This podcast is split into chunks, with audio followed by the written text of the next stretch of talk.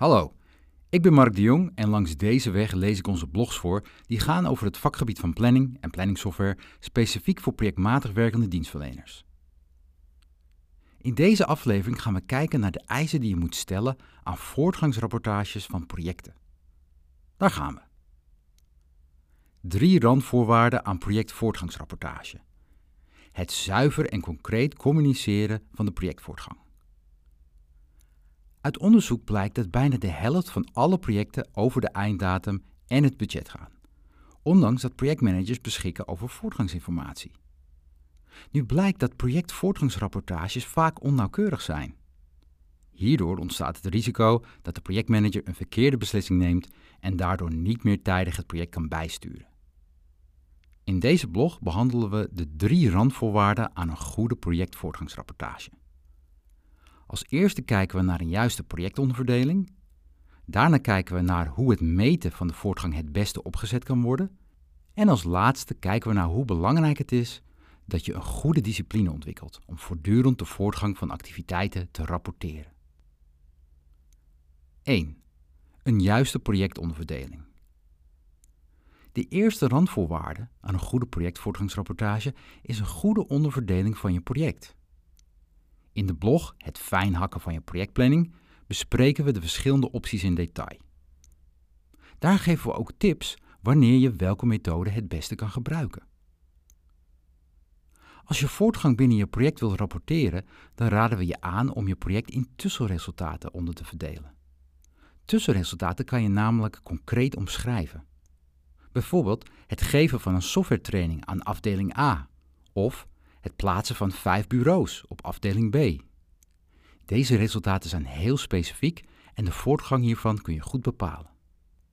Dit is minder eenvoudig te doen als je een project opsplitst in activiteiten.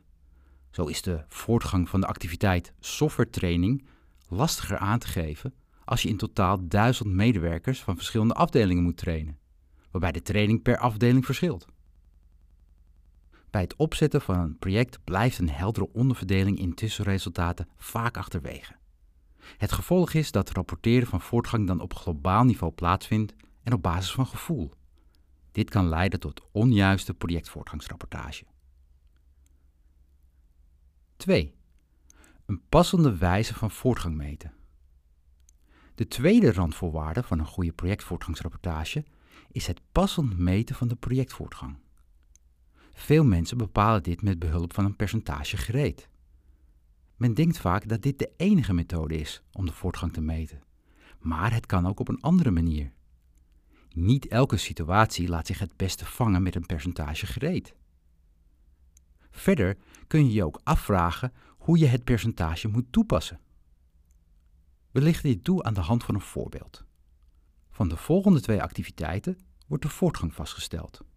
1 opstellen van een verslag en 2. repareren van zes computers. Wanneer de voortgang van de activiteit wordt doorgegeven, blijkt het verslag halverwege te zijn. En zijn er drie computers gerepareerd. Betekent dit dat de voortgang van beide activiteiten 50% is? Voor de reparatie van de computers kan je dit zeker zeggen.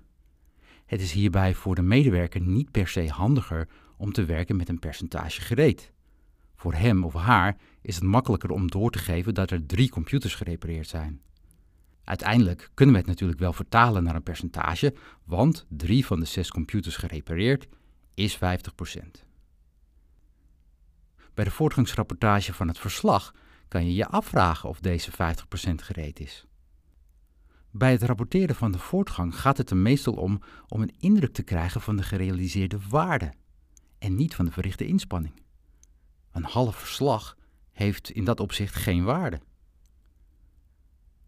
Uit dit voorbeeld blijkt dat je een keuze kan maken hoe je de voortgang laat vaststellen en of je het beoordeelt naar gerealiseerde waarde of niet.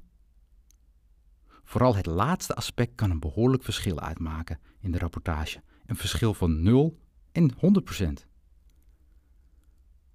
3. Voortdurend de projectvoortgang bijhouden. De derde randvoorwaarde betreft het voortdurend bijhouden van de voortgang. Bij het plannen van projecten mist op dit vlak vaak discipline. Het gevolg is dat je informatie mist waarmee je als projectmanager het project en de planning gedegen en op tijd bij kan sturen. De projectplanning is namelijk vaak bij aanvang van een project al achterhaald, omdat de omgeving van een project continu verandert. Om de analyse van de projectvoortgang goed uit te voeren, moet je eerst de wijze van rapporteren vastleggen. Wie gaat de projectvoortgang rapporteren? Dit is afhankelijk van het formaat van het project. Grote projecten vragen namelijk om een andere aanpak dan een kleine. Hoe vaak moet men de projectvoortgang rapporteren? Dit bepaalt hoe actueel de projectinformatie is waar een projectmanager over beschikt. Naast deze twee punten moet je ook rekening houden met het psychologische effect dat het rapporteren van de voortgang bij medewerkers veroorzaakt. In de blog Hoe organiseer je het rapporteren van projectvoortgang bekijken we de drie punten in detail. Heb je het rapporteren van de projectvoortgang gedegen opgezet, dan krijgt de projectmanager een continue en actuele stroom aan planningsinformatie binnen.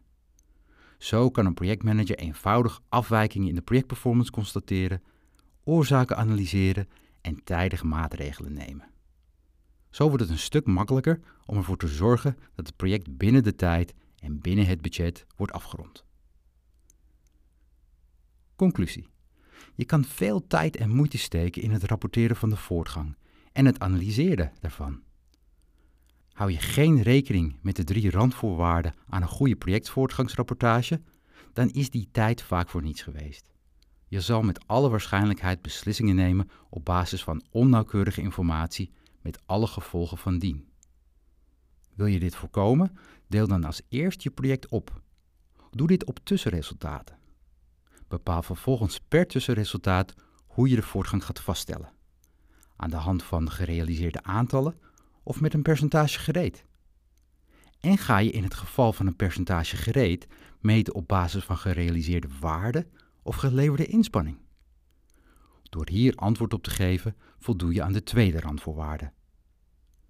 De derde en laatste randvoorwaarde is het voortdurend rapporteren van de voortgang.